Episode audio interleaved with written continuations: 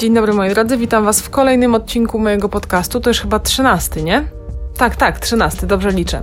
Ja nazywam się Paulina Wysocka-Świeboda, a w sieci działam jako motywatorka i jak pewnie wiecie, albo zdążyliście zauważyć, albo za chwilę się dowiecie, prowadzę media społecznościowe poświęcone odchudzaniu szeroko pojętym odchudzaniu, bo zahaczamy tutaj o, o, o, różne aspekty sylwetkowe, a to o dietę, a to o ruch, a to o zaburzenia odżywiania, o nawyki, te dobre, te złe. A najbardziej lubię, wiecie co, jak gadamy sobie o takiej czystej prostocie odchudzania. Znaczy nie mówię o tym, że odchudzanie jest proste, bo nie jest, ale bardzo mi się podoba i mam ogromną satysfakcję, kiedy mogę Wam przełożyć odchudzanie na taki zwykły, prosty język. Tak odczarować to wszystko, co nam się wydaje takie dziwne i skomplikowane. No właśnie, i o tym będzie dzisiejszy odcinek. Poprosiłam Was szybciutko na Instagramie, żebyście mi w okienko wpisywali, czego nie rozumiecie, co Was przeraża, co jest skomplikowane, jaka teoria, jakie mity, mm, może jakieś wzory i postaram się odpowiedzieć na Wasze pytania i na te Wasze zagwostki, także zapraszam.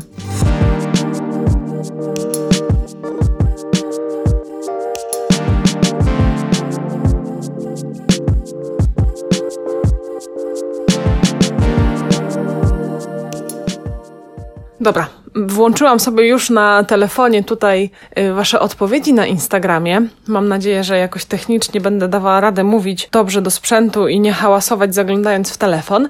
Ale co mi tutaj pierwsze rzuca w oczy, to jest takie pytanie. Słuchajcie, albo raczej taka zagwastka. Każdy pyta, ile kilogramów mniej się chudnie, pewnie o to chodzi, a u mnie waga stoi w miejscu, ale w obwodach jest mnie mniej. Tutaj rozumiem, że chodzi o to, żeby wyjaśnić, dlaczego tak jest, że kilogramy stoją na wadze, a obwody lecą. Otóż, to już było poruszane ja nie wiem, czy nie odcinek temu nawet, że nasza waga, która załóżmy wynosi 100 kg, to jest 100% naszej masy ciała. Mówiąc masa ciała, mam na myśli taką prawdziwą masę ciała, czyli absolutnie wszystko.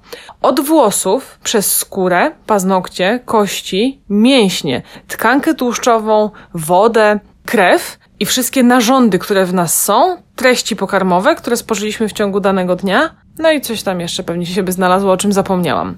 To jest 100% naszej masy ciała. Waga, którą my widzimy na wyświetlaczu, to jest właśnie to wszystko, suma tych wszystkich rzeczy. Przeciętna Grażyna odchudzająca się wchodzi na wagę i widząc 100 kilo, to ona nie wiedzieć czemu widzi 100 kilo tłuszczu. No i tam jeszcze uwzględniamy, że mamy jakieś mięśnie i wodę co najwyżej, ale tak, to tak ktoś coś słyszał, ale nikt nie wie ile.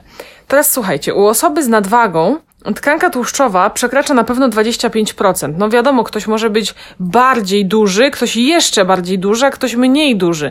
Więc ktoś będzie miał 27%, 28%, ktoś 33%, bo będzie cierpieć na przykład na pokaźną nadwagę, na otyłość. Ale to nam mówi, ta ilość procent nam mówi, ile realnie w naszej sumie tego wszystkiego jest tłuszczu. Czyli wchodząc na wagę, ja powinna mieć taki filtr na oczach, że widzę 100 kilo, ale w tych 100 kilo najprawdopodobniej około 30%, podkreślam, każdy ma inną zawartość tkanki tłuszczowej, to jest tłuszcz. Tak naprawdę tam może być masa innych rzeczy, może być tam, jest masa innych rzeczy. Dlatego w procesie odchudzania fajnie jest pożegnać się z wagą na jakiś czas, albo ją ograniczyć, albo włączyć myślenie podczas używania i nie wchodzenie na nią często. Bo ten zły chochlik w głowie, kiedy wchodzi na wagę i nie daj Boże nie widzi spadku, to on nie widzi spadku tłuszczu. A spadek tłuszczu mógł nastąpić, ale jednocześnie w tym samym czasie nastąpiła jakaś retencja wody. Coś się zatrzymało. Nie byliście długo na dwójce i zalegają wam treści jelitowe.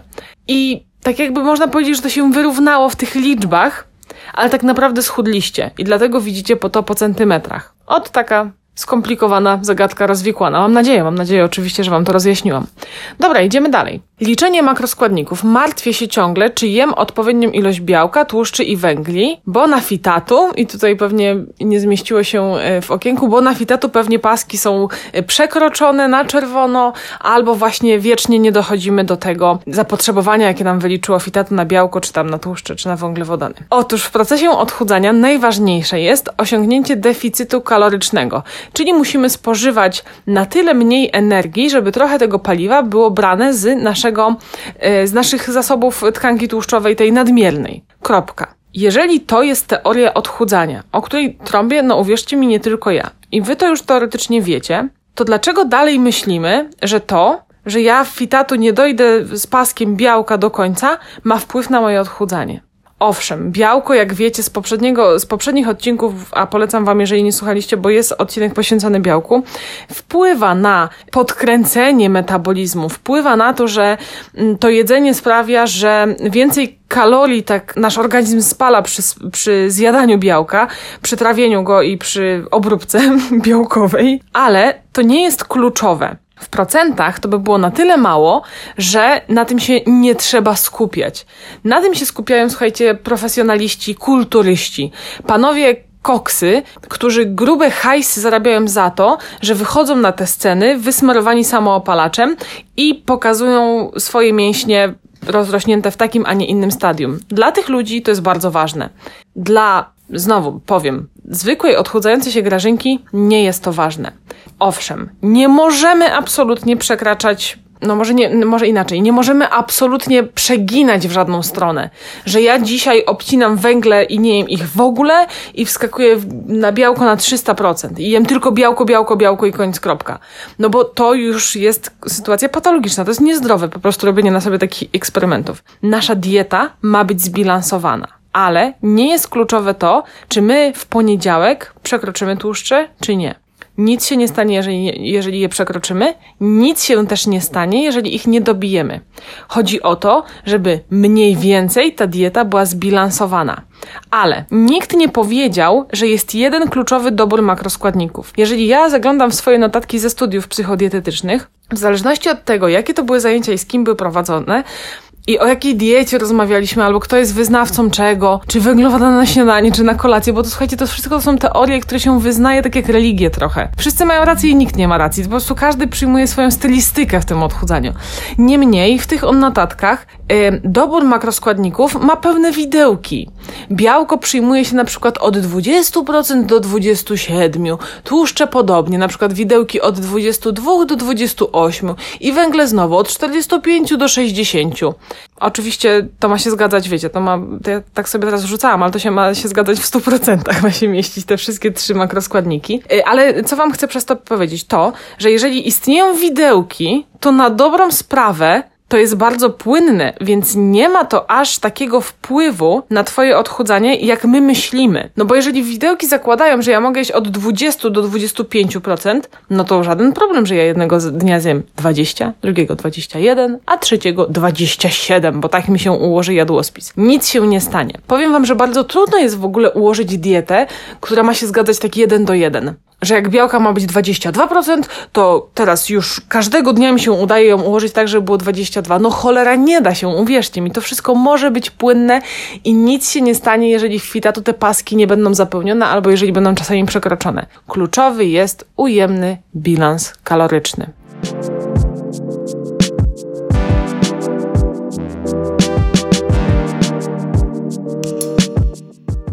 O, tutaj widzę, słuchajcie, bardzo e, ciekawy punkcik. Niejasne jest dla kogoś to, że nie można jeść makaronu i omletów oraz owsianek. Nie mam żadnej wiedzy na ten temat, żeby czegoś nie można było jeść na diecie redukcyjnej. Oczywiście w 80% zaleca się, żeby to była dieta oparta na zasadach zdrowej diety, a 20% możemy sobie czasami tam odpłynąć, ale rozumiem, że takie rzeczy, że o nie możesz iść tego, a ty nie możesz iść tamtego, żeby schudnąć, to to są powielane mity, które po prostu istnieją w niektórych środowiskach. W pracy gdzieś tam się to słyszy przy, przy kawie, na, obie, na obiedzie rodzinnym jakaś ciocia mądralińska powie, że teraz to grejpfruty są najmodniejsze i tylko za pomocą jedzenia grejpfrutów schudniemy, więc w zależności od tego, w jakim jesteśmy środowisku, jaka jest pora roku, jaki jest rok, ym, no to tak ludzie po prostu sobie coś wymyślają i jest to grane i, i, i powtarzane gdzieś tam w towarzystwie.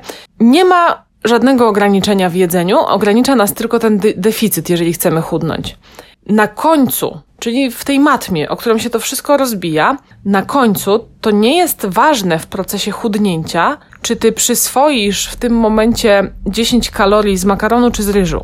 Owszem, to są zupełnie inne produkty, ale przypominam wam, że pierwotnie i tak wszystko się rozbija o te obliczenia, więc to, że ktoś ci mówi, że ty czegoś nie możesz jeść, to jest po prostu mit. No możesz, chorujesz na coś, gdzie trzeba wykluczyć na przykład gluten, ale no uwierzcie mi, że na celiakię choruje bardzo mało ludzi, tam chyba z 1% społeczeństwa, nie? Także też nie wmawiajmy sobie chorób, których nie mamy.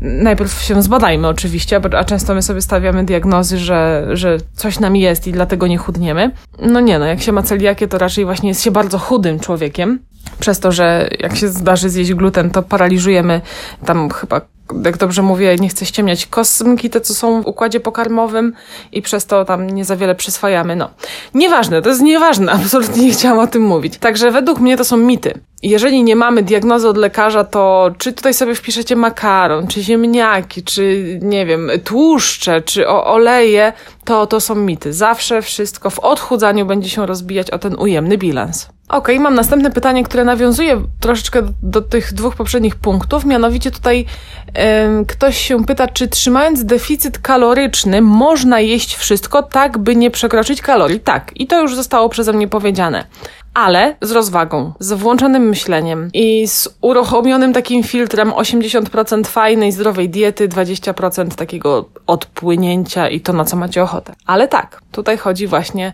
o trzymanie ujemnego bilansu kalorycznego. O, moje ulubione się pojawiło. Współczynnik aktywności. Nigdy nie wiem, który wybrać. Wiecie co, ja wam teraz coś powiem. Ja też. ja też zawsze jak wyliczam komuś zapotrzebowanie, to mam tak, no okej, okay, no po prostu musimy coś przyjąć i koniec, kropka. Mi się może wydawać tak, komuś się może wydawać inaczej. I ja często to powtarzam, nie mam szklanej kuli, żeby wiedzieć lepiej od ciebie jaki jest Twój współczynnik aktywności. Ale mogę Wam co nieco wyjaśnić, co Wam y, ułatwi dobranie go. I ja bardzo polecam robić to samemu i testować na sobie.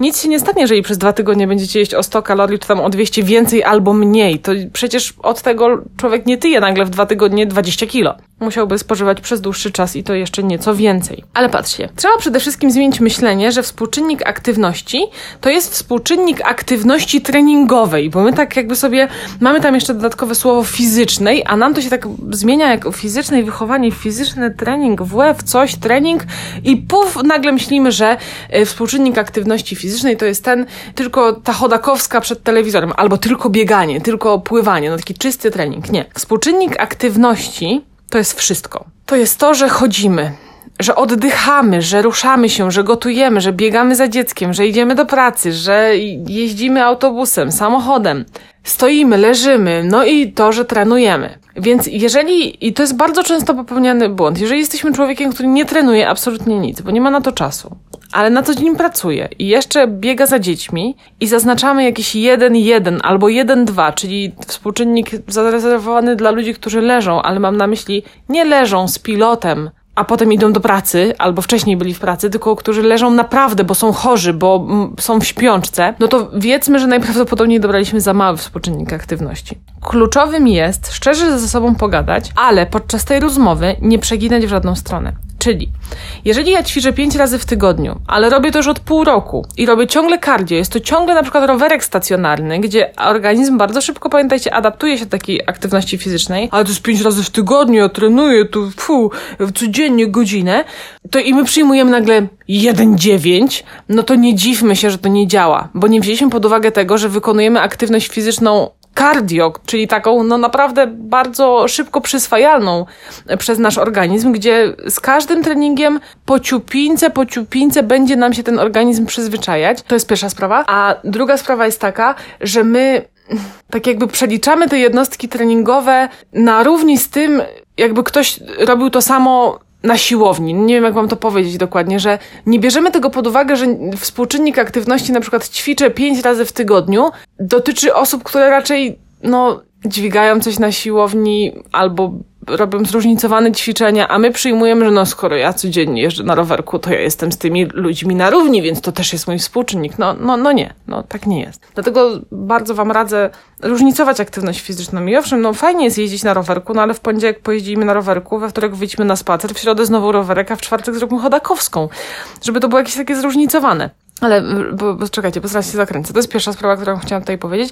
Ale też nie wolno przeginać w drugą stronę, czyli no ja nic nie robię, ja głównie siedzę w domu z dziećmi, czasami pójdę na zakupy, a chciałabym schudnąć, chciałabym schudnąć szybko, najlepiej do sierpnia, bo mam wtedy wesele, kuzynki no to lepiej przyjmę ten najniższy współczynnik aktywności fizycznej, to wtedy y, będzie super. No też nie. W żadną stronę nie jest dobrze. Jeżeli nie wiemy, co przyjąć, to lepiej jest przyjąć cokolwiek i obserwować swoją dietę przez dwa tygodnie. Po prostu.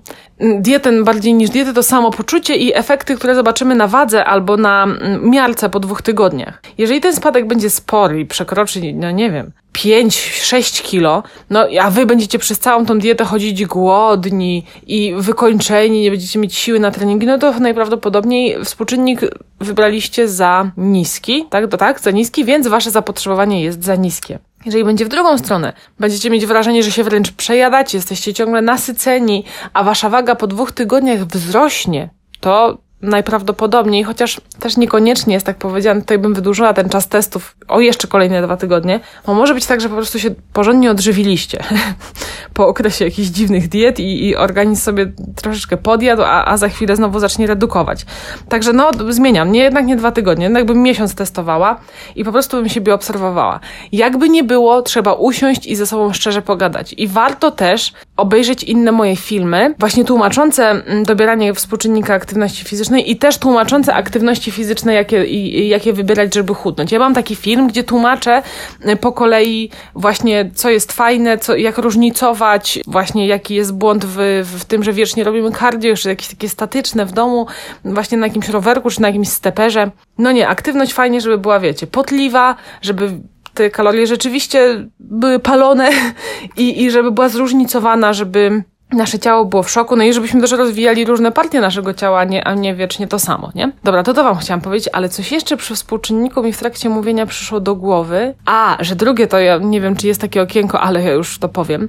Drugie, co mamy, że patrzcie, my y, przy, liczymy ppm, czyli podstawową przemianę materii, potem ją mnożymy przez ten współczynnik, wychodzi nam całkowita przemiana materii, odejmujemy tam 15-20%, no i wychodzi nam, zap, nam zapotrzebowanie na redukcji.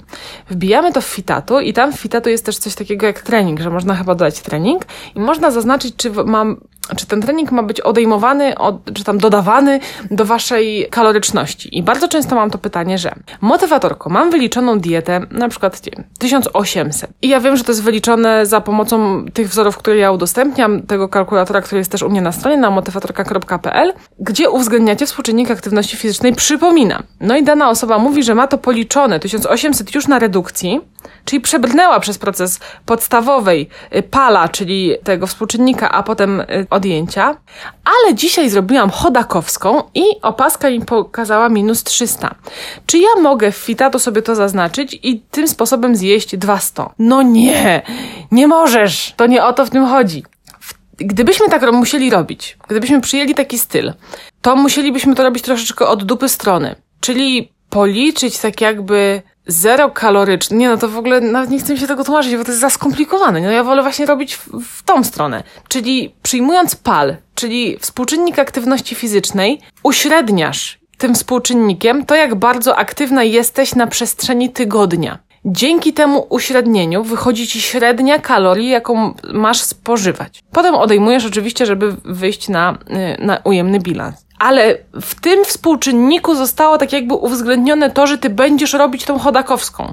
Zostało uwzględnione to, że ty te 300 kalorii spalisz. To wszystko jest oczywiście uśrednione, bo żeby ten cały schemat działał, nie trzeba co do joty uwzględniać 10 czy 15 kalorii podczas danego treningu. Nie, jeżeli zrobisz o jeden trening więcej w tygodniu niż założyłaś, to go nie zajadaj. To się ciesz, że pogłębiłaś swój deficyt kaloryczny. To jest spoko. Nic się nie stanie, jeżeli czasami przesadzimy w tą stronę i zrobimy coś więcej niż założyliśmy. Podejście takie, że zajem trening, bo widzę, że spaliłam 300, co jest błędne, już wiecie, że to jakby to 300 było uwzględnione, no niekoniecznie to musiało być 300, ale wszyscy wiemy o co chodzi, było uwzględnione w PAL, czyli w współczynniku aktywności fizycznej, albo podejście, że no ja miałam PAL policzony, że tam ćwiczę 3 razy w tygodniu, a w tym tygodniu ćwiczyłam 5, no to ja może w sobotę się obiem, jest złe, jest bardzo złe, bo to po prostu w trim miga, ale w takiego, o Jezus, mega szybkiego, prowadzi do rutyny. że o, dzisiaj zamiast 10 tysięcy zrobiłam 12, no to fryteczki. I my nawet nie bierzemy pod uwagę to, że różnica między 10 a 12 to jest tam kalorycznie Jezus, bardzo mało, a fryteczki to jest o Jezus, bardzo dużo, prawda? Więc nie, proszę was, nie róbcie tego. Ja tam byłam, ja ten błąd popełniałam. Zajadałam treningi, yy, oddałam się za bardzo w cheat meal i nie, nie, nie, nie, nie, nie. To ja wam na wstępie mówię, mm, mm, mm, macie czerwone światło, tam nie wolno iść tą drogą. Jak wiecie, cała motywatorka jest zbudowana też na moich doświadczeniach. Ja wiele rzeczy na sobie sprawdziłam i byłam w tym miejscu, gdzie jakby mogłam sobie pozwolić na obliczenie tego w drugą stronę i testowanie tego w drugą stronę, żeby właśnie zjadać to, co się udało spalić. I nie, to nie jest dobre. Trochę się rozgadałam nad tym punktem, ale to jest ważne, musicie dowiedzieć. Nie róbcie tak.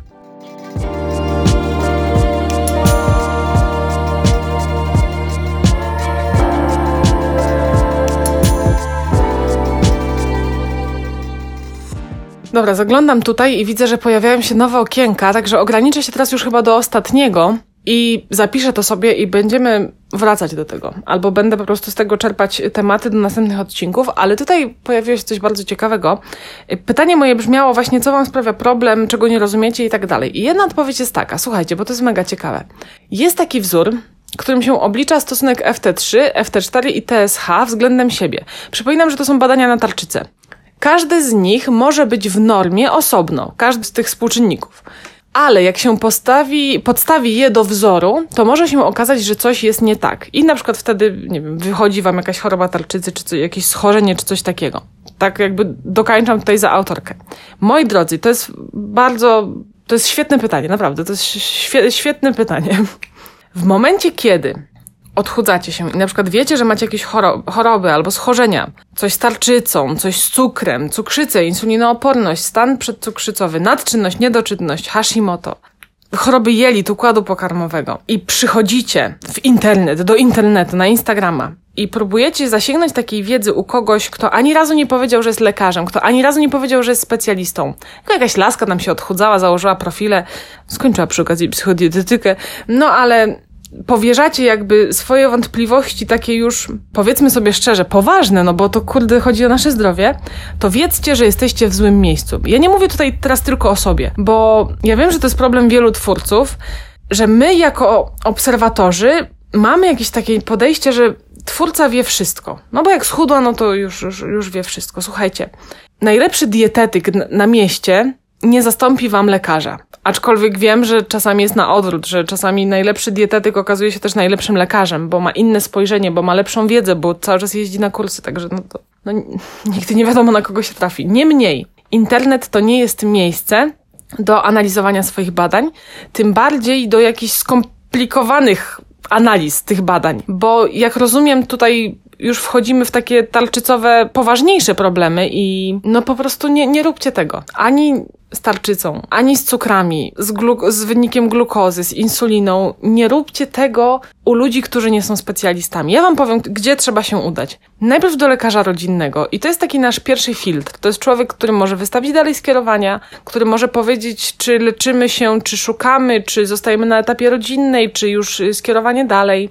Jeżeli dalej, albo jeżeli macie takiego lekarza rodzinnego, że wiecie, że nie ma co iść, bo żałuje skierowań, to go zmieńcie, ale jeżeli nie chcecie go zmieniać, bo coś tam, coś tam, to w momencie, kiedy mówimy o tarczycy, to idziemy do endokrynologa, do ginekologa, a najlepiej jak się znajdzie specjalistę, który potrafi te dwie dziedziny łączyć, albo o Jezus, daj Boże, jest jeszcze, wiecie, człowiekiem, który skończył obie specjalizacje. Jeżeli mówimy o cukrzycy, to idziemy albo o insulinooporności, czyli stanach przedcukrzycowych, no to znowu do rodzinnego.